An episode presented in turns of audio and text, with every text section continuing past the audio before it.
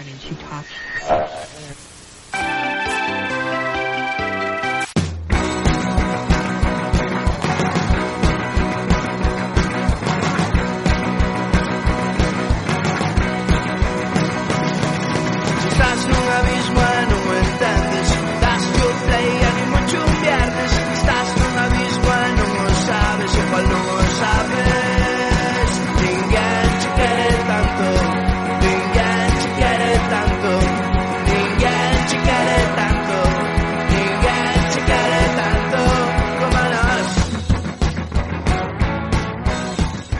Benvidos e benvidas a Carretando, este podcast de divulgación politolóxica e xornalismo interpretativo na autocaravana. De feito, volvemos sendo moito máis que un podcast, aínda que esa é a nosa esencia inmutável, a subjetividade, a análise, a política dende a construcción, todo isto persiste nun espazo agora expandido entre a página web e o podcast, entre novos formatos onde agroban novas perspectivas. Neste regreso, queremos dar as grazas pola vosa paciencia e a vosa espera.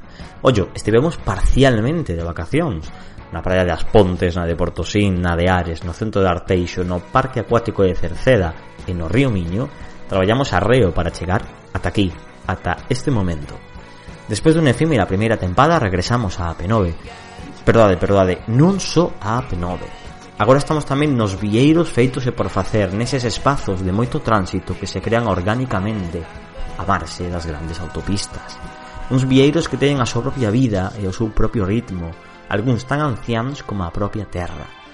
Na autocaravana quere estar tamén aí, nestes lugares das marxes, nos camiños en construcción ou pendentes de descubrir. Pois sí, esta é a nosa máxima. Carretando nos vieiros da política galega.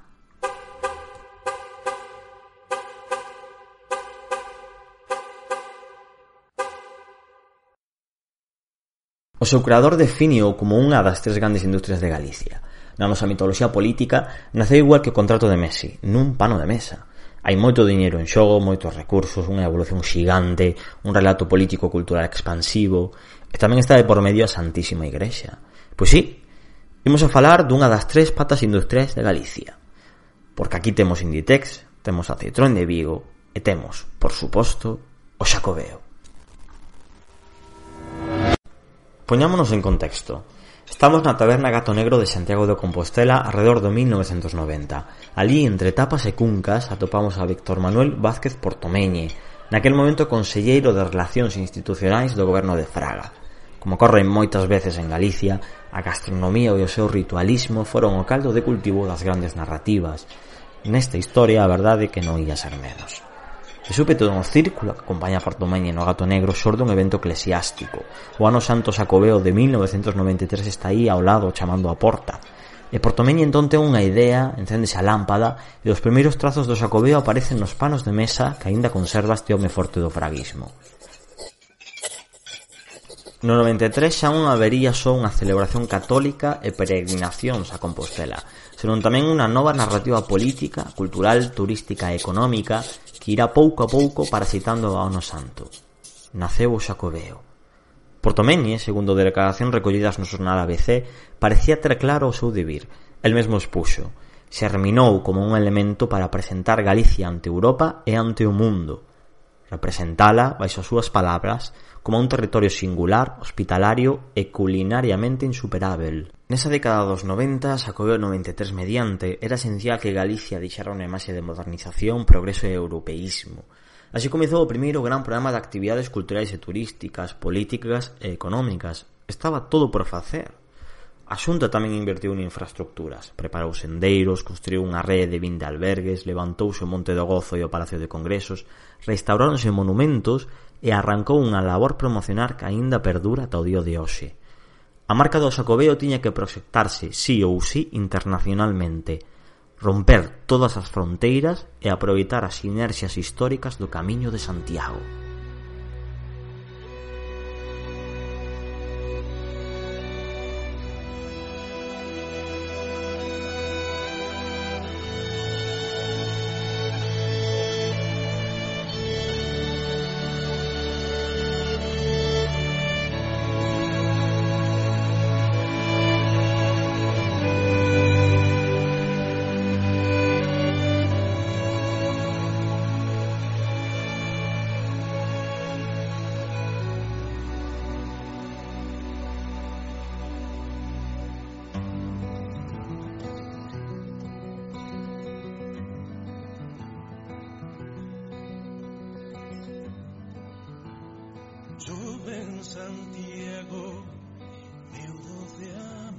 Na actualidade semella que as raíces do Xacobeo están precisamente no camiño, que a esencia desta proposta é tan antiga como a propia peregrinación, mas a narrativa é un produto enteramente contemporáneo que foi matizándose e aumentando, sobre todo tentando relacionarse íntimamente co espírito europeo. Despois do éxito do Xacobeo 93, chegouse a unha conclusión nas profundidades da xunta. O acontecemento tiña potencial suficiente como para ser un motor socioeconómico, pero para iso había que remover de arriba a baixo o camiño de Santiago que estaba en estado de semiabandono. Os esforzos foron destinados tanto en recursos como en relato á experiencia turístico-relixiosa do camiño. No Sacobeo 99, a cousa non fixo nada máis que crecer coa dinamización do resto de rutas peregrinas históricas. A experiencia tiña que ir máis aló do camiño francés. Dende a xunta involucraron pouco a pouco ao resto de cidades máis aló de Santiago de Compostela. É dicir, a narrativa expandiuse, Creceu o nome, a marca, o relato, os recursos, os albergues, as estructuras. O sacobeo adoptou condición cefalópada, moitos tentáculos que chegaban a moitísimos lugares.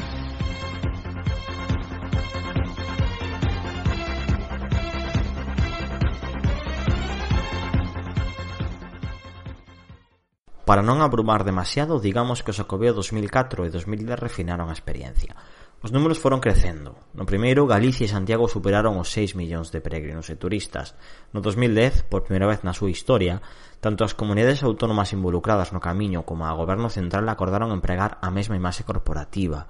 Máis crecemento, máis contidos, exposicións, concertos, actividades culturais, publicacións, redes, máis axentes involucrados no privado e no público. Pensamos tamén que o Xacobeo 2010 foi o resultado da coordinación de dúas administracións distintas, a do bipartito de Turiño Quintana e a da primeira legislatura de Feijó. O obxectivo da organización de inédita colación progresista era a promoción da cultura e da identidade galega, facer recoñecibles os elementos culturais galegos e promover a súa trascendencia e cruce de fronteiras. Hace tres semanas me enteré que tenía una hermana gallega y que además somos gemelas. Claro, ahora entiendo todo. Entiendo por qué dibujaba paisajes que nunca había visto antes. Entendí esos escalofríos repentinos. Muy buenos días, Buenos Aires, la hora 8.45. Y por fin descubrí por qué la mermelada nunca me supo mermelada. Y sin saber por qué me entraban ganas de caminar kilómetros y kilómetros.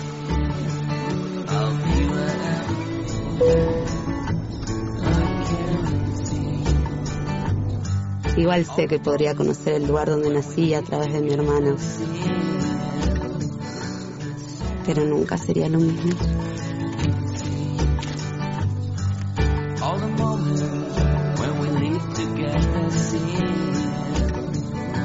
Un ano no que todos desexarán sentirse galegos. Xacobeo 2010, agora e cando, Galicia e onde. Como fixeron? En outras iniciativas promoveuse unha traducción á lingua galega do Códice Calextino, un deseño de campañas de comunicación e divulgación centradas nos elementos identitarios galegos, unha identidade visual que representara a nosa cultura, etc. É dicir, pretendían poñer a Galicia no centro dun evento cada vez máis internacional. Non obstante, as discrepancias políticas, principalmente entre Bloque Nacionalista Galego e Partido Popular de Galicia, foron numerosas A entonces portavoz de Turismo dos nacionalistas, Carme Adán, considerou unha oportunidade perdida que a Xunta non tivese como criterio central aproveitar o que o bipartito tiña comezado a facer. Cos acobeos en marcha, as discrepancias non cesaron. Guillermo Vázquez, portavoz nacional do BNG 2010, calificou a xestión e promoción como a un fiasco. E dixo, entre outras cousas, isto en alusión a Roberto Varela, conselleiro de Turismo do Partido Popular cun responsable político frente que nada menos que a estas alturas está cuestionado, casi diría, ¿no? por todos aqueles que son obxecto, en fin, da súa atención política, cuestionado pola cultura deste país. Hoxe mesmo, 11 premios nacionais de literatura, nada menos que piden a dimisión do conselleiro, no? co cual, eh, francamente, cunha persoa que el mesmo recoñece que carece de coñecimentos. El mesmo di, e desde logo, cunha persoa á frente que cree que a cultura galega é unha cultura de segunda división, en esencia, con un friki da cultura á frente do departamento, pois con estos bimbios que cesto se poderá construir? Porque esa é a cuestión. Que cesto se podrá construir dun evento destas características con semellante responsable ao frente? Dende 1993 ata o 2021. Sen dúbida, unha viaxe longa dun evento que aínda sobrevive e que en realidade neste e no próximo ano terá un eco aínda maior. Tras todo este percorrido e co tempo no lombo, o seu ideador portomeñe considera que o Xacobeo levou a Galicia a todo o mundo. Converteu a Compostela en destino de multitudes e recibimos cidadáns de 190 nacións, declarou a Praza.gal xunto con Galicia Calidade, deseñado por Juan Fernández, difundiron os valores supostamente representativos da Galicia do seu tempo. O Xacobeo 21-22 supón en realidade a maximización absoluta da comunicación. Está analizado ao detalle, tanto nos seus puntos fortes como a débiles, e absorbe unha cantidade inxente de recursos e esforzos. É a gran narrativa. Quise tomar esa opción, ¿no es cierto? Ver los países más chicos. Fui a Estrasburgo, pero no fui a Francia, Claro. Mm-hmm. Uh -huh. Estrasburgo, eh, fui por la Unión Europea. Uh -huh. Y si voy a Santiago, voy a Santiago, pero no a España, ¿no? Claro. No plan estratégico do Xacobeo 21-22, folla da ruta do evento, marcas un camiño moi concreto. Esponse. O bello continente precisa agora máis que nunca un referente como camiño, como elemento que vertebra, une e harmoniza. Un espazo de encontro que achega valores positivos, enlazando o pasado e presente e contribuindo á construcción europea. Europa. O Xacobeo 21-22 segue mirando cara aí para construir, supoñemos dende carretando, unha Compostela que aglutina o sentimento de Europa. A COVID-19 reforza esta idea xusto nun momento onde os alicerces da Unión están ameazados dende o seu punto de vista cultural. O Xacobeo pretende ser un recurso coaccionador e a sinal dunha pertenza en común. A frase atribuída a Goethe resume a estrategia básica da Xunta de Galicia. Europa fíxose peregrinando a Santiago de Compostela. Mas debemos falar tamén de algunhas das deficiencias da marca Xacobeo. O plan estratégico tamén as recolle. Entre outras cousas, admítense certos factores que afectan a poboación galega. Por exemplo, que o Xacobeo non logrou crear nestes anos un sentimento de pertenza ou orgullo na nosa sociedade. Hai unha desconexión entre os peregrinos e os galegos e as galegas. Entre todo isto, agroma tamén o perigo de masificar Compostela e os camiños, de masificar as vilas durante as temporadas altas e esquecelas en temporadas baixas por falar de perigos, ata que existe un risco de converter o camiño nunha simple experiencia de consumo moi lonxe da esencia espiritual da propia peregrinación. Iso claro está, se non é xa agora mesmo, unha experiencia para consumir dende o persoal e dende o turístico.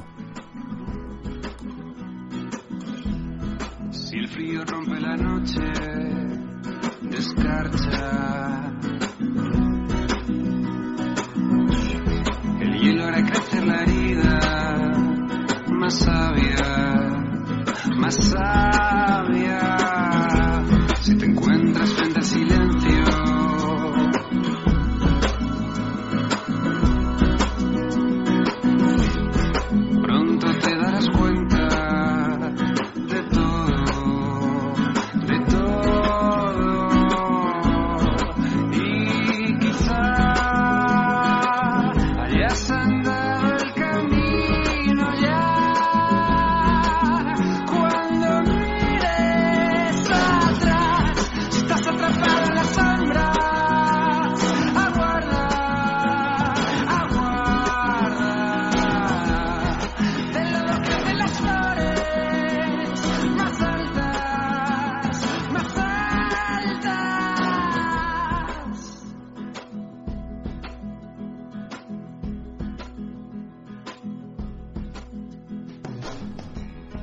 Como vemos, o xacobeo en todas as súas formas aproveitou a potencia simbólica de varios elementos religiosos, como o ano santo xacobeo, o camiño e Santiago de Compostela, para constituirse en narrativa turística, política e cultural. A nosa nova fichaxe, a xornalista lucense Jessica Fernández, falarános da relación entre política e religión, porque é esencial entender a conexión do Estado coas institucións religiosas. Verdade, Jessica?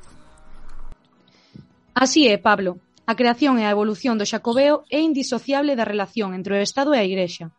Para falar destes vínculos entre institucións, sentan na nosa mesa de conversas Julio e Yannick, do noso equipo de politólogos, e Adrián, do equipo de xornalistas de Carretando. Yannick, a grandes trazos, como explicaríamos a relación entre o Estado e a Igrexa dende unha perspectiva politolóxica? Pois, achegándonos a unha perspectiva máis teórica, a relación entre o Estado e a religión é un tema sempre atractivo dentro do estudo da, da teoría política. Na seva relación eh, coas distintas confesións religiosas, os Estados poden ser declarados como laicos, confesionais ou aconfesionais, conlevando cada un deles a unha legislación, unhas políticas sociais e unhas manifestacións públicas totalmente distintas. Pero se afundamos na clasificación eh, destes termos que foron históricamente creados dentro do cristianismo, máis especificamente dentro do catolicismo para a súa relación co Estado liberal a partir da Revolución Francesa, compre indicar o significado de cada un deles. Mentres que un Estado laico é aquel que, por definición, é neutral en materia de religión, non mostrando apoio nin oposición a ningunha organización ou confesión religiosa, atopamos a completa diferenza nun Estado confesional, sendo aquel que se une especificamente a unha religión denominada religión oficial, algo que pode ser simplemente resultado da tradición ou chegar incluso a interferir na, na propia, vamos, legislación estatal. A medio camiño, entre un termo e outro, podemos atopar a definición de Estado confesional, sendo aquel que non recoñece ningunha religión como oficial, aínda que pode ter acordos de colaboración con distintas institucións religiosas.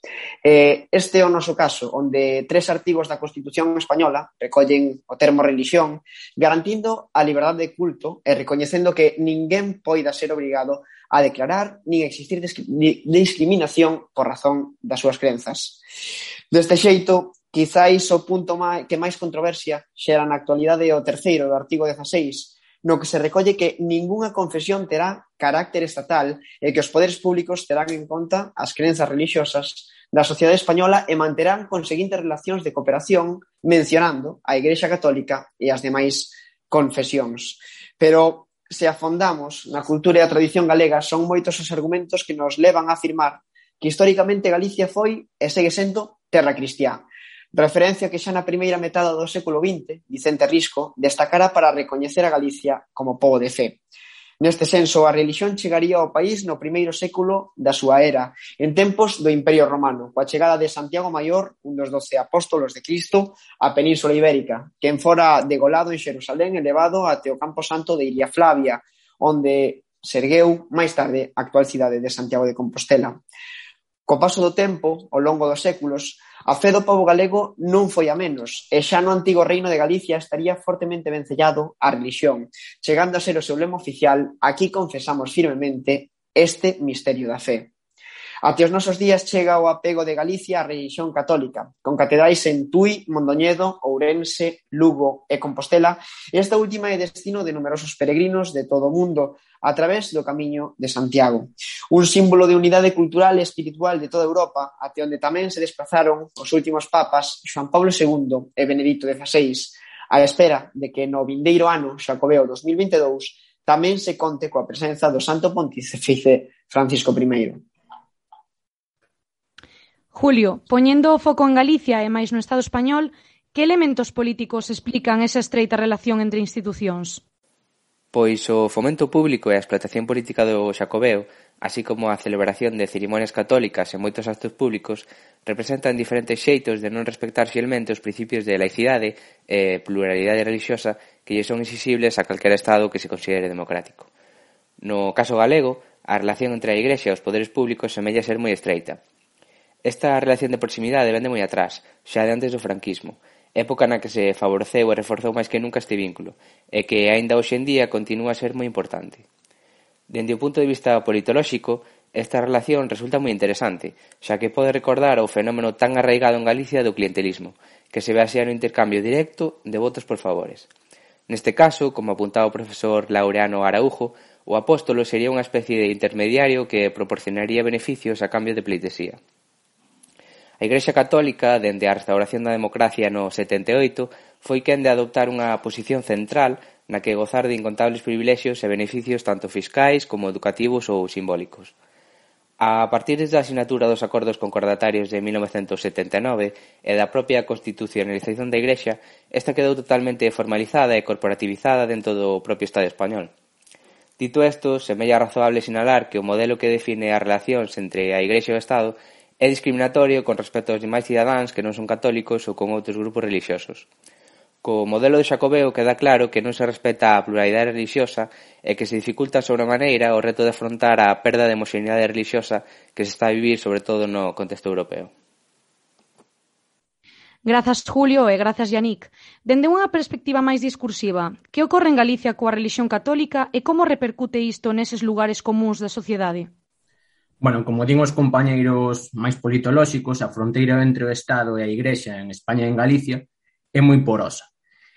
É certo que as institucións públicas do Estado son moi pouco escrupulosas a hora de evitar tinguir os seus actos cun, cun verniz católico. Non? non obstante, as circunstancias históricas e politolóxicas que entrelazan a Igrexa e o Estado a través de espazos como o Xacobeo non son as únicas razóns que explica esta conxugación de poderes digamos que nun plano máis comunicativo e máis cotidiá incluso, máis cotiá incluso, hai unha longa lista de símbolos e artefactos culturais e costumes que contribúen a manter e consolidar ese imaginario colectivo católico que habita en Galicia e tamén en España. Sentidos comuns que xustifican a normalidade coa que a religión católica ocupa as nosas vidas. Cito algúns destes elementos culturais, como, como podería citar outros, pero, por exemplo, temos as ceremonias do, de Estado, bodas reais, eh, funerais de Estado, todos eles seguindo ritos, ritos católicos. Temos tamén un calendario escolar e un calendario laboral moi coas vacacións e os festivos moi moi coincidentes coas celebracións católicas. Por exemplo, eh, o día 8 de marzo, o Día da Muller, non é festivo, si o é o Día da Inmaculada. Temos unha relación tamén se nos fixamos máis no exército, coa consagración das forzas armadas a brise do Pilar, se nos focamos un pouco máis no Xacobeo e un pouco máis en Galicia, que é o que nos atinxe, nos atinxe hoxe, poderíamos destacar a intervención solemne do xefe de Estado na, na ofrenda nacional ao apóstol, que tivo lugar en Santiago de Compostela fai, fai unhas semanas, e, e que incluso pois sae nos medios e non é algo que se trate de xeito sorprendente, é algo que está eh, totalmente normalizado E, bueno, estes, estes catro son catro elementos que eu considero moi, moi importantes, poderíamos citar moitísimos outros, pero explican un pouco pois esa, bueno, ese, ese sentido común ou eses imaginarios colectivos eh, moi asociados á, á religión católica que creo que ten a sociedade galega. Uh -huh. eh, con todo, como narramos anteriormente, o Xacobeo é cada vez máis turístico e menos espiritual, non?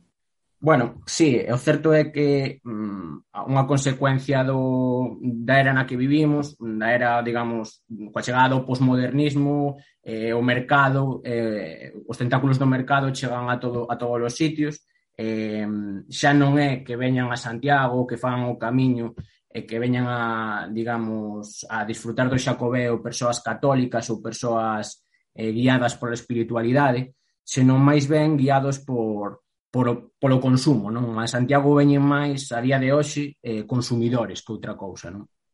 Eh, isto pode ter algo que ver co auxe do mercado global e a crise da, da Igrexa Estado, enmarcado mercado Estado non Estado-Nación, non pode ter algo que ver.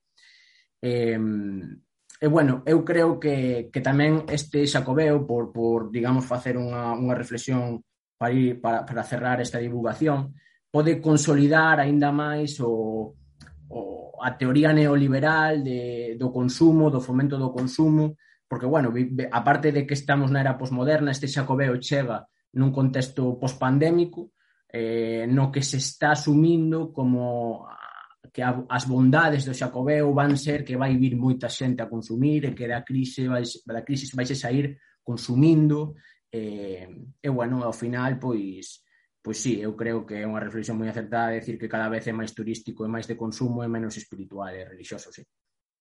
Ben, eu por contestar un pouco a Adrián, eh, dicir que, que non se perde, entendo eu, que non se perde tanto esa espiritualidade, eh, senón que esa espiritualidade vai acompañada dun consumo e eh, dun fomento do turismo que a Galicia lle interesa neste período de recuperación. Eh, enténdese que calquer peregrino eh, realiza o Camiño de Santiago por devoción, por eh, espiritualidade ou calquer outro medio que el entenda, pero a súa visita a Compostela ou a súa visita a Galicia repercute efectivamente no, no comercio local e, e, e axuda moito a nosa recuperación económica. Por lo tanto, eu creo que eh, non é tanto ese cese da espiritualidade, senón que tamén se conxuga cun consumo do produto galego, do produto local e que nos beneficia sobre maneira a visita de, de numerosos turistas como están esperados para este bienio xacobeo 21-22. Pois moitas grazas, Adrián, e tamén grazas aos nosos politólogos, Yannick e Julio. Nos seguimos coa nosa viaxe.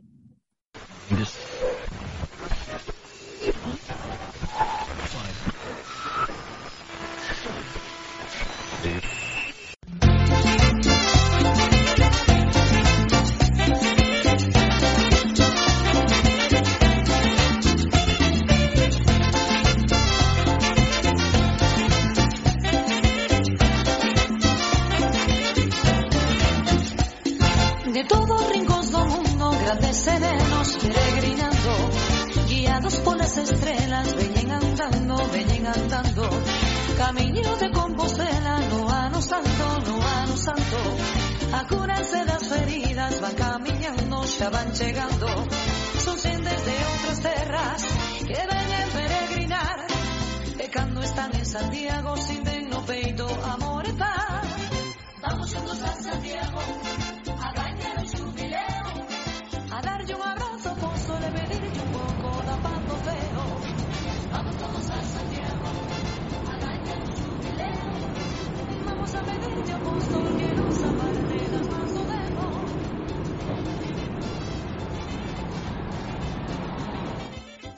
É bo momento para despexar a mesa dos cafés e sentarnos todos ao seu redor. Dende Carretando non queremos perder unha visión real do concepto abstracto do Xacobeo. Por iso imos a falar e reflexionar xuntos sobre o seu impacto en nós mesmos. Xa, xa están preparados coas súas bebidas Carmen del Río Ferreiro. Hola, Carmen. Hola, boas. Román Varela. Hola. Adrián Vázquez, hola Adri. Hola, que tal? Eh, eu tamén polo lado xornalista e temos tamén a Yannick Juncalvo, a Yannick. Hola, moi boas. E Julio Iglesias. Hola, boas. Polo lado politolóxico. Todos nós, integrantes de Carretando, somos ou fomos estudantes e habitantes de Santiago de Compostela. É dicir, todos nós vivimos de alguna maneira a identidade de Santiago e a súa convivencia co Xacobeo. Así que Por iso mesmo, o primeiro tema, o primeiro tema a falar neste faladoiro, é sobre as consecuencias que ten o Xacobeo en Galicia. Cales son? Cales, cales pensades que son en termos sociais, culturais, económicos? Bueno, pois a ver, eu, eu penso que que mm, o Xacobeo contribúe non a, a esa imaxe de bueno, o contribúe a, a que Galicia siga estando des, desindustrializada, se siga sustentando moito no, no sector servizos, no consumo, eh, e sobre todo, pois, concretamente este xacobeo que, que chega nun contexto logo da, da pandemia, é moi complicado explicar isto, non é complicado moi complicado decirlle a, que un hosteleiro entenda que leva tanto tempo sen, sen poder ter un volume de negocio mm, ao que está acostumado e decirlle que, que o xacobeo non é positivo. Non? Porque, claro, moi, en, en Galicia moita xente vive do sector servicios. Mas é certo que, que eu encontro que unha consecuencia do, do xacobeo eh, digamos, eh, poñer un parche aos problemas que ten Galicia, fomentar o consumo, o consumo, ademais, con pouco valor engadido, e, pois, non resolver estructuralmente os problemas que, que ten Galicia, vencellados a falta de emprego calificado, emigración juvenil, avellentamento, etcétera. Pois xa que hai algo de parasitarismo nese sentido, non unhas consecuencias de, de todo o que estamos a falar, eh, que no noso tecido social, no noso tecido económico, comezamos a entender o xacobeo como a sorte de nós mesmos, entendéndonos como, a, do punto de vista galego, amplio de autonomía e xestión burocrática como a parásito. Non? E, e desviamos o foco da mirada de outros aspectos. Yannick, por o teu lado, eh, como ves? Pois eu non podo diferir máis con, con Adrián, eu creo que o Xacobeo é ese evento que todos os galegos e sobre todo os picheleiros están agardando durante, durante tanto tempo e que achega tanta riqueza a Galicia e sobre todo tanta riqueza á cidade de Santiago, máis nun contexto como o que acabamos de vivir, con eh, fortes restriccións, sobre todo para ámbitos como o da hostelería e do sector servizos, é que nestes momentos pois están esperando, eh, grazas ao bienio xacobeo, xa senón os, os turistas que chegan este ano a Compostela, senón xa os do, os do ano que ven, para poder, para poder reflotar a, a economía local e a, e a economía autonómica. A mí o tema que, que me dá aquí para, para pensar é se todo vai unha soa carta en termos de reflote, se, por suposto, o Xacobeo ten un aspecto, unha consecuencia positiva en termos económicos, pero que todos os galegos estén esperando o Xacobeo, en certa maneira, eh, no plan estratégico do, do Xacobeo está aí. Hai unha desconexión tremenda entre o Xacobeo e os galegos e as galegas. Entón, en, en termos identitarios, en termos de cidadanía, eh, volvemos á idea de que todo a mesma carta pode ser, eh, en certa maneira, moi perigoso. Creo que nese senso tamén co, co tema de Adri, ¿no? onde de que provoque certos procesos de desindustrialización ou de levar todo o foco a esa carta e desvialo de outros problemas ou tamén de outros produtos turísticos incluso entrando en termos de, de capitalismo turístico non? Eh, hai que ter cuidado por aí non sei se Carmen Julio como vedes. Considero que o Xacobeo sí que ten unha parte positiva pero como decía Adrián eh, penso que xogar todo a unha carta. É dicir, invertir moito no plan do Xacobeo en outras políticas como a industrial ou do, de outros sectores como os primarios, etc., non se está facendo todo o necesario para que Galicia sea unha potencia económica nese sentido. Penso que sí que mm, está ben eh, invertir en turismo, xa que somos unha potencia neste sentido, pero considero que hai cousas que fan que Galicia eh, poida mellorar económicamente, social e culturalmente a parte do Xacobeo. Uh -huh. Carmen, por aí, que tiñas aí, non sei se no mesmo sentido que Julio. Sí, eu concordo e tamén quería remarcar eh, o feito de que realmente penso que os galegos e as galegas non, non esperamos o xacobeo. Bueno, evidentemente a xente que se dedica ao xacobeo e que vive disto ou do camiño máis ben, pois sí, pero o resto de cidadás de, de Galicia, penso que realmente eh, vemos o Xacobeo pois como que é, que é un, unha marca, é un produto que a día de hoxe pois perdeu moito a identidade, como ti comentabas, Pablo, que se falaba na, no propio plan do, do Xacobeo realizado pola Xunta houve unha perda do, da identidade inicial do que ven sendo o camiño e o ano novo do, da identidade religiosa e demais e que evidentemente pois potenciouse por outros lados o cal a min tamén me parece ben porque, bueno, ao final todos poden disfrutar da ruta pero o, mm, agora mesmo é unha ruta eh, moi masificada eh, que é un turismo totalmente sostenible ou eso considero eu, especialmente nos, nos anos santos, e que, que bueno, que realmente leva a unha, incomo, a unha incomodidade incluso do, dos cidadás das principales vilas ou en, en especial, evidentemente, Santiago, pois simplemente a comodidade do, do turista por enriba da, da dos cidadáns propios do, do lugar. Eu teño unha, unha impresión tamén, é unha intuición simplemente, evidentemente non teño datos nin nada, pero que a, o Xacobeo nos últimos tempos, a propio relato, non está máis enfocado eh, a conectar coa xente do exterior que coa, coa, coa xe, propia xente galega, non? E que iso é unha das preocupacións principais do, da Xunta agora ou do propia planificación turística que reconectar coa poboación galega e como reconectas. Dice, foi en unha tradición moi vinculada ao, pois a parte máis crente da poboación galega, non? O feito de valorar o religioso, o católico e tal, e o Xacobeo de repente converte a historia nun relato, nunha marca moi moi relacionada co internacional, moi moi relacionada con atraer xente sen darse conta que tamén ten unhas contraprestacións tochísimas para xente que vive aquí e que vai haber un distanciamento emocional moi profundo da xente galega con respecto a este, hasta, a este relato E aí está creo que unha das claves do futuro tamén. Eu creo que neste caso, respondendo un pouco ao que se dixo nesta, nesta, alrededor desta mesa, penso que o máis inteligente é non mezclar debates. Eh, é certo que en Galicia hai un problema industrial, eh, non cabe ninguna dúbida, pero eu creo que non hai que mezclar o debate industrial co debate turístico. A pregunta é, temos un problema industrial, é certo, a todos nos ven a cabeza o problema que pode pasar con Gamesa, con Alcoa, o problema que poden sufrir os traballadores de Ence en Pontevedra, pero se non coidamos do turismo, que nos quedaría? É dicir, temos unha industria necesitada de máis futuro, pero tamén temos un turismo que non podemos abandonar. De, deste xeito quedaríanos un país eh, lamentablemente moi triste.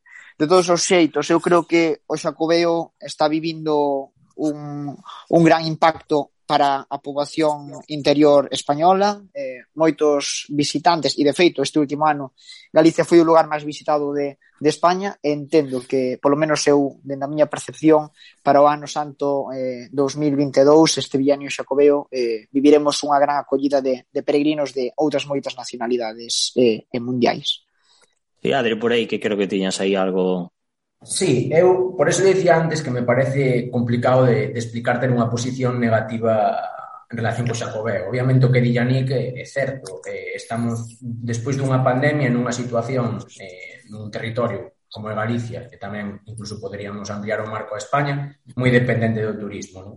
Efectivamente, o Xacobeo nese senso é positivo porque vai traer xente que vai consumir a, a, a Galicia, Que pasa? Cal é o problema, na miña opinión? Que eso a largo a longo plazo non vai xerar eh, non vai resolver os problemas estructurais que ten Galicia e sí que pode ser tratado, e de feito é tratado, como unha medida milagrosa, como un parche milagroso por parte dos medios de comunicación e tamén por parte da Xunta de Galicia e, e bueno, da, da Administración Feijó, como unha esperanza, unha especie de milagre que chega eh, bueno, pois non sei exactamente cada canto eu Xacobeo, veo, creo que un rollo así 4, 5, 11 anos, non sei como vai o tema, pero pero eso, que, que, que se trata como, unha, como un milagre e que realmente cando pase o Xacobeo vayan, van a seguir aquí os mesmos problemas. Eu creo que sei que mezclaros porque canto menos a nivel mediático, a nivel comunicativo, intenta intenta facer que cale no imaginario colectivo que o xacobeo é, é a, a solución aos problemas, ou, ou unha posible solución aos problemas de Galicia, e, e eso creo que objetivamente que non o é. Ora, se para falar de que bo, eh, bueno, pois eso, que veña xente a consumir eh, a Galicia, pois bueno, pois eso o debate, bueno, pois podríamos decir que sí, que claro, mellor que veñan a Galicia que non, que vayan a, non sei, a, para nós, mellor que veñan a Galicia non a Irlanda, non, obviamente. É, é certo eso que dís, eh, pero non debemos, eu volvo a insistir, non debemos mezclar debates, non debemos mezclar foros. Eh, é certo que os traballadores de Ence en Pontevedra se perden os seus postos de traballo, non lles podemos responder que ben o Xacobeo.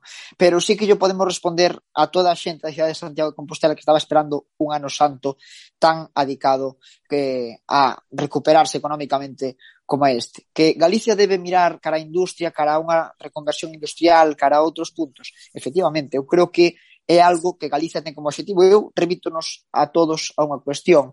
Só con ver a composición do goberno galego, cales son as dúas vicepresidencias da Xunta de Galicia, unha é a, a de Economía, a de Francisco Conde, a que leva industria, e outra, a de, a de Alfonso Rueda, que leva turismo. Son as dúas cuestións que creo na economía interior máis deben enfocarse e non por ter un problema industrial debemos deixar de lado a, a, a outra industria galega que é o turismo. Non por dar voz a unha cousa debemos deixar de dar voz a outra cousa. Non debemos deixar de creer no xacobeo. Debemos, debemos tamén comenzar a creer por outra banda tamén na nosa industria eh, galega. Román, pola túa parte, aí no teu recuncho, Sí, eu concordo ca posición de, de Adrián, é dicir, o Xacobeo non é a solución a todos os males de, de Galicia, inda que moitas veces se venda como tal, porque eu creo que, o, que o problema non é se o Xacobeo é bo ou é malo, senón como se enfoca. Enfócase como, a, como algo milagroso, é, é dicir, pois entonces, por que non facemos un Xacobeo cada ano e non cada, cada tanto tempo, non? Que dicir, se tan bo é para Galicia, eh, é, é algo absurdo, non? ben é certo que concordando un pouco co que dicía Yannick, sí que o camiño de Santiago, polo súa o xacobeo, pola propia forma que ten de ser, sirve para cohesionar, cohesionar o territorio e un pouco expandir un, eh, esa, esa riqueza que pode chegar polo consumo do propio produto turístico. O camiño de Santiago sirve para é o Xacobeo, se sirve para nutrir un pouco o que ven sendo o interior do noso país, pero claro, seguimos tendo o mesmo problema que sigue sendo en base a un sector con pouco con pouco valor engadido e, e con, con, bueno, con, con, con emprego precario e, e sen boas condicións. Entón, eh, inda que sirve para nutrir e cohesionar o territorio desa forma, pois non, non é o a panacea aínda. Bueno, eh, comentaba Yannick, eh, falaba dun verbo clave, para mí é clave, sobre todo nesta pandemia de COVID-19, non? Eh, que é coidar do turismo o rebocoidar que é clave na, na actualidade, non? Eu penso ata que punto é certo isto de que, de que o Xacobeo coida do turismo, esa un pouco a, a seguinte, o seguinte tema, non? Eh, coida o Xacobeo de Santiago, por exemplo, é un turismo de coidado con respecto á cidade, é dicir, un turismo que respecta a convivencia na cidade. Ese é un tema, porque todos todos nós vivimos ou ou tivemos experiencias en Santiago e polo tanto tamén temos na, na mochila como é vivir aí. Eh, abro esta pregunta, entón, o Xacobeo coida Santiago, coida as cidades, coida as vilas ou considerades que é outro tipo de turismo distinto? Pois eu considero que o Xacobeo coida Santiago e Santiago coida tamén moi ben do, do Xacobeo como picheleiro de, de adopción, polo menos durante estes últimos eh, tres anos, só pode dicir, e creo, eu aventuraría a decirme, que, que todos os veciños de Santiago están de acordo e están contentos cada xacobeo de poder recibir a todos eses a todos eses visitantes. Eh, Santiago celebra cada cada X tempo cando cadra o ano santo, poder ser a capital mm, mundial durante uns días, e ser durante todo o ano a capital do Occidente. Para quen queira a Galicia, para quen queira Santiago, eu creo que eso é o punto que máis presente ten, que Galicia cobra importancia a nivel mundial, que Galicia se fai un punto de chegada de peregrinos dende todo o mundo e que debemos cuidar do, do xacobeo. Por outra banda, tamén creo que ademais dunha aportación económica, como si é certo que trae, a aportación do, Xaco, do Xacobeo ata Santiago e a os arredores, a todas as vilas polas que pasa o camiño, é absolutamente enriquecedor. Ter eh, cidadáns de todas as nacionalidades alrededor do camiño é o, o mellor para Galicia. Carmen, pola túa parte. Nada, eu quería comentar que evidentemente a a todos nos gusta que veña xente a Galicia e que veña xente a Santiago, pero creo que a ninguén ou a casi ninguén lle gusta vivir nunha cidade masificada polo turismo e polo, polo chamado overtourism que supoño que xa coñecemos moitas eh, moitos dos daqui pero mm, eso que a min gustaríame que a miña bueno, que a miña cidade durante estes van ser agora cinco anos, bueno, catro anos, perdón, eh, pois tamén pensara, pois, por exemplo, eh, na vivenda para os estudantes, e eh, que eh, non haxa... O sea, hai un montón de estudantes con un montón de problemas para topar unha vivenda, unha vivenda en condicións e eh, unha vivenda a un prezo decente, pero mm, vivendas para os turistas, pois hai. Que, bueno, xa se puxeron medidas, xa non se poden abrir máis Airbnbs e demais, pero a problemática da, da, do alquiler para para nós e para calquera familia que queira vivir en Santiago, pois eh, sigue aí. Despois, eu que sei, cando miña nai estudaba en Santiago, por exemplo, miña nai salía na rúa da Fla, do Franco. E creo que ningún de nós a día de hoxe sal na rúa do Franco por motivos evidentes cada vez o casco vello está pois máis adaptado ao turismo e, e parece que se lle máis facilidades. O sea, non o sei, pero quero decir, vemos como se abren máis tendas de souvenirs ou máis mm, locais adaptados ao turismo que, que para nós, ou ben para os estudantes ou ben para os santiagueses directamente. E, eu creo que é evidente que sí que é bo que haxe turismo, porque É un, unha das principais riquezas de Galicia, evidentemente, a super principal eh, de Santiago, pero mm, iso non quita que, que teña que ser unha cidade na que se poida vivir de verdad e ben, porque o casco vello de Santiago pois non é super pequeno, pero a ver, mm, ten un espazo limitado que nós tamén queremos disfrutar del, e tamén temos que ter ese dereito. Eh, eu, por exemplo, pois casi disfruto máis de Santiago cando chove, cando é decembro, novembro, claro. que, que é temporada baixa de turistas e que podemos estar tan tranquilos por aí que en outras temporadas eu non vivo en Santiago en, nin, nunca vivín en Santiago nin en xullo nin en agosto pero por exemplo este ano que viñen unhas cantas veces eh, en estes dous meses é que foi in, era imposible andar polas rúas da zona bella. Eh, creo que eso non é nin, bo, nin para nós, nin para os comerciantes casi, nin para mm, nin para a cidade en sí, porque tanta masificación non é boa e tampouco é boa para o camiño eh, nin para nada desto xeral creo que debería de facerse unha revisión nese sentido e que, po, aínda que fora, pois, pois eso, o que, no, que non haxa tanta masificación mm, nos mes, nos meses concretos ou nunhas zonas concretas, e, e demais, e buscar solucións aos problemas que realmente existen e afectan aos cidadáns da zona. É que eu teño unha sensación semellante a de Carmen, que Un dos problemas que ten eh, o Xacobeón Santiago, extrapolable o en Galicia, é que non é capaz de asumir efectivamente as súas deficiencias e expoñelas públicamente para solventalas. É dicir, estánse creando burbullas obvias en Santiago de Compostela destinadas aos peregrinos e negar que se están consolidando estas burbullas sociais que están separando a poboación galega dos peregrinos é contraproducente para o propio Xacobeo, para a propia xestión turística do Xacobeo. É dicir, está pasando en Santiago e está pasando no resto de cidades polas que transita o Camiño de Santiago. Decía Yannick, ademais, é unha experiencia enriquecedora dende o punto de vista cultural, máis ou menos. Sí, eh, o foi, e teremos que ver se pode seguir sendo unha experiencia enriquecedora, porque tal e como está actualmente organizándose o Xacobeo en termos de narrativa, de marca, de impacto, de consecuencias, está indo á homoxenización cultural, está indo a unha percepción do turismo dendo o punto de vista industrial, onde os símbolos son sempre os mesmos en todas as vilas, tamén en Santiago, os souvenirs son sempre os mesmos, o intercambio que está vendo entre peregrinos e poboación local cada vez está reduciéndose máis, eso está en Santiago, coas borbullas que comentamos, eso está tamén no resto do camiño.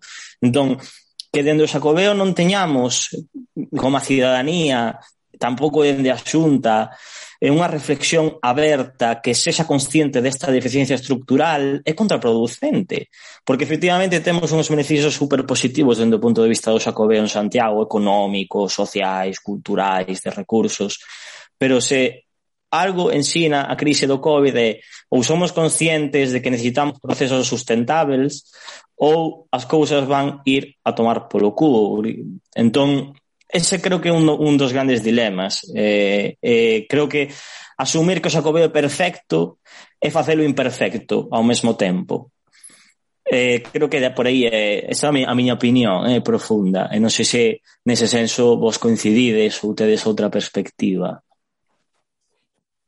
Bueno, sí. eu creo que en ningún momento falamos eh, aquí da, da perfección ou da non perfección do Xacobeo evidentemente todo na vida ten unha maior, un, un nivel seguinte de perfección, evidentemente, non hai nada perfecto, pero é evidente que a sustentabilidade en todos os ámbitos como no turístico para Galicia debe ser un reto, debe ser un reto mellorar cada ano. E xa, o ano Xacobeo 21 ou o bienio Xacobeo 21-22 debe ser antesala dun Xacobeo 2027 que debe ser o mellor da historia.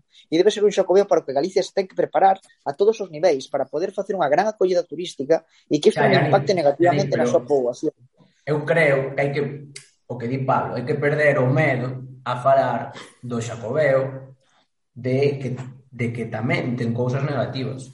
Hai que perder o medo a poder, a, a poder decilo e, e hai argumentos para pensar así e, e que non se pode tratar o Xacobeo como eh, unha especie de solución divina aos problemas de, de Galicia porque porque non, é? Eh? Por moito que o mellor o que xera o apóstol, non, é? Eh?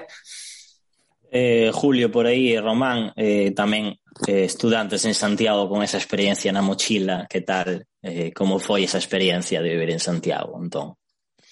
Eu, recollendo un pouco o que dicía Carmen sobre o tema dos alquileres, sí que é verdad que esa masificación de, de turistas e peregrinos que chegan a, San, a Santiago eh, ou a cantidade exagerada que hai de pisos turísticos provocan que tanto para a que se puxeron certas medidas, como dixo Carmen, eh, provocan que para nós estudiantes que non temos se cadra un poder adquisitivo mm, normal eh, faixenos moi complicado encontrar un fogar donde poidamos estar eh, comodamente, xa que se queres ter un piso que este decente ou tens que vivir super lonxe de, da universidade ou do centro eh, ou se non tens que pagar moitos cartos. entonces penso que neste sentido a esta chegada masiva de peregrinos e turistas nos afecta directamente e tamén non só a nosos estudiantes, senón aos propios eh, ciudadanos de Santiago que non son eh, propietarios de outros eh, inmobles. Entonces, eh, dende a miña experiencia, eh, como decían tamén Adrián, eh, decías ti, eh, tamén andar polas calles de Santiago a veces faise complicado, xa que eh, vas pola rúa do Franco e todo, si, si, si queres tomar algo, hasta se che fai complicado porque os precios non son vas polo franco e os precios son para turistas, é dicir, non podes disfrutar eh, dunha boa comida sen dun precio normal, xa te tes que ir a sitios máis que estexan que estean máis apartados do propio centro e, e tal. Sí, Roman, por aí.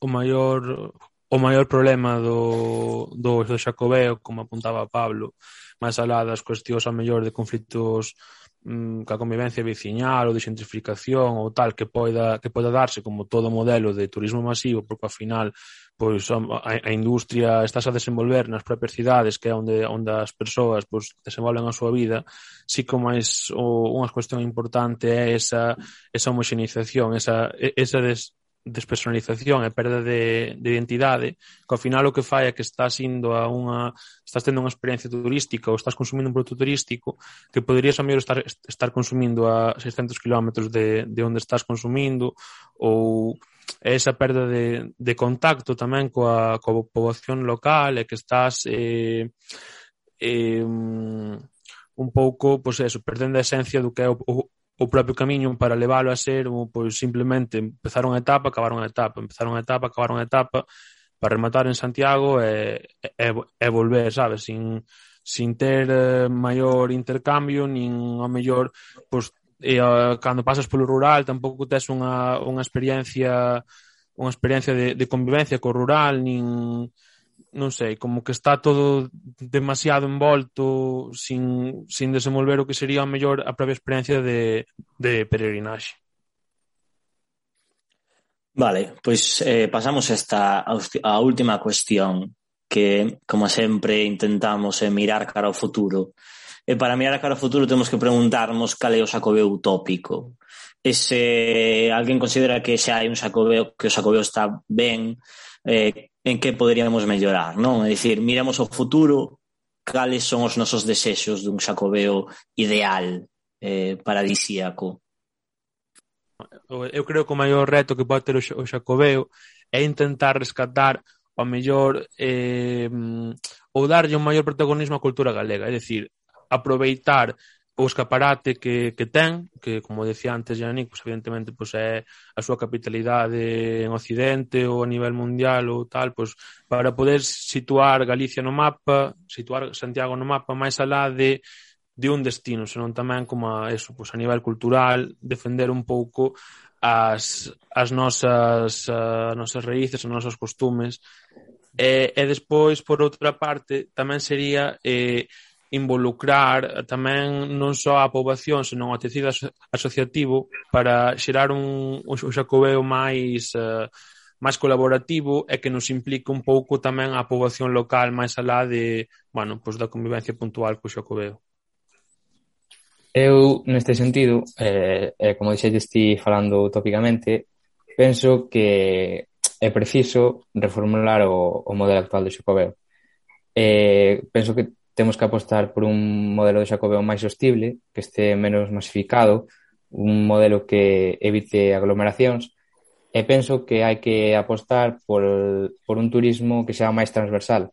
Hai que aproveitar esa transversalidade do turismo e fomentar tanto o destino de Galicia, a ubicación en Santiago, e sobre todo fomentar a cultura e o produto galego que ademais eh, o propio camiño é eh, pode axudar eh, a fomentar o rural que se está perdendo. Recollendo que dimos compañeiros, porque estou, estou moi de acordo, é algo tamén utópico, eh, algo que é un pouco idealista, sería que o Xacobeo e o propio Camiño contribuíran a, a, a crear ese, ese soño de, de cultura popular europea, non? Que, que, que sirva como un, como un nexo eh, como un, digamos, un nexo de unión e que ademais eh, a, a cultura galega teña moito que dicir, non? que sexa o rural, que soa moi épico, non? que sexa eh, a, os vieiros de Galicia, o rural de Galicia, Santiago de Compostela, eh, digamos, o, o xerme, de, o, o lugar onde agromen moita, moitas culturas, onde unha gran multiculturalidade, e que se poidan falar dos problemas que pode ter ao mellor calquer mozo ou calquera moza eh, europea, porque ao mellor Falaba Carmen de que aos estudantes eh, custalles moito conseguir piso, ou mellor, ou falábamoslo antes, non? Acceso á vivenda. E con mellor a xente nova, e de feito temos o exemplo de que en Berlín pasaba tamén, porque por eso se, se bueno, temos a noticia de, de fai uns días que se nacionalizaron unha serie de vivendas para para de grandes tenedores de propiedades para favorecer ese acceso á vivenda, non? Que falar de unha serie de problemas materiais que ao mellor te, te, teñen os mozos eh, galegos, teñen tamén os mozos eh, franceses e eh, ao mellor teñen os mozos eh, alemáns, non? E que sexa Santiago a, a, a que o espazo onde se produce esa gran conversa, non? É un pouco idealista, pero a mí molaría moito. É bonito, sí. Yannick, o Xacobeo utópico. Pois, este, o, pola miña o de agora. O de agora está moi ben e debe seguir mellorando, non cabe dúbida, pero eu creo que eu creo que recollendo un pouco as reflexións da maioría dos compañeiros, é certo, gustoume moito o que dixo Adrián, en Europa fixose peregrinando a Santiago, é verdade. Eh, e polo tanto debese seguir facendo, debe achegar a todo o pobo europeo a, a, a Galicia e, e a través do camiño poder promocionar a cultura galega e achegala a todos os, os lugares os lugares do mundo. Eu creo que os retos do Xacobeo fundamentalmente é seguir medrando, seguir medrando un número de, de acollidas en, en Galicia e seguir achegando a cultura galega ao resto ao resto do mundo. Eu creo que o imos a conseguir, pero é, é certo que a sustentabilidade do propio Xacobeo é algo que debemos seguir perseguindo. Carmen, Sí, eu penso que hai que mirar aos problemas e facer fronte de verdad a eles, pois mm, eh, pensar en que o mellor non fai falta centrar todo en Santiago e expandir un pouco o turismo para que non haxa tanta masificación na, na cidade, na capital, eh, pensar na temporada baixa, como ben dixen antes, pois eso, que en, hai meses nos que realmente en Santiago os turistas non son unha molestia, por así decirlo, tampouco entendedesme, non? non para que nos vivimos ali, quero decir, que non somos demasiados, non todos podemos acceder a todo, e, e eso tamén, pois, recuperar un pouco mm, os espazos eh, da propia cidade e que non todo este tan centrado no turismo e volver a potenciar un pouco realmente a súa cultura e, a, e o que é en realidad de Santiago. Pois moitas grazas, chicos, chicas, de Carretando, politólogos e xornalistas, por este faladoiro.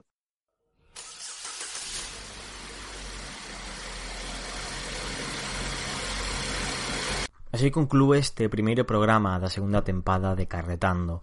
Miramos ao futuro, como en outras ocasións, despois de afondar no noso pasado e no noso presente, nos relatos ficcionais que nos unen.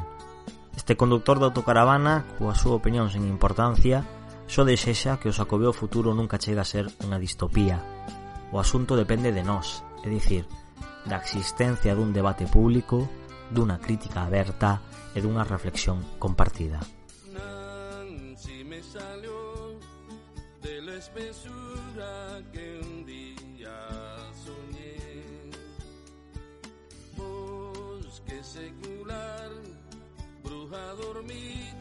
the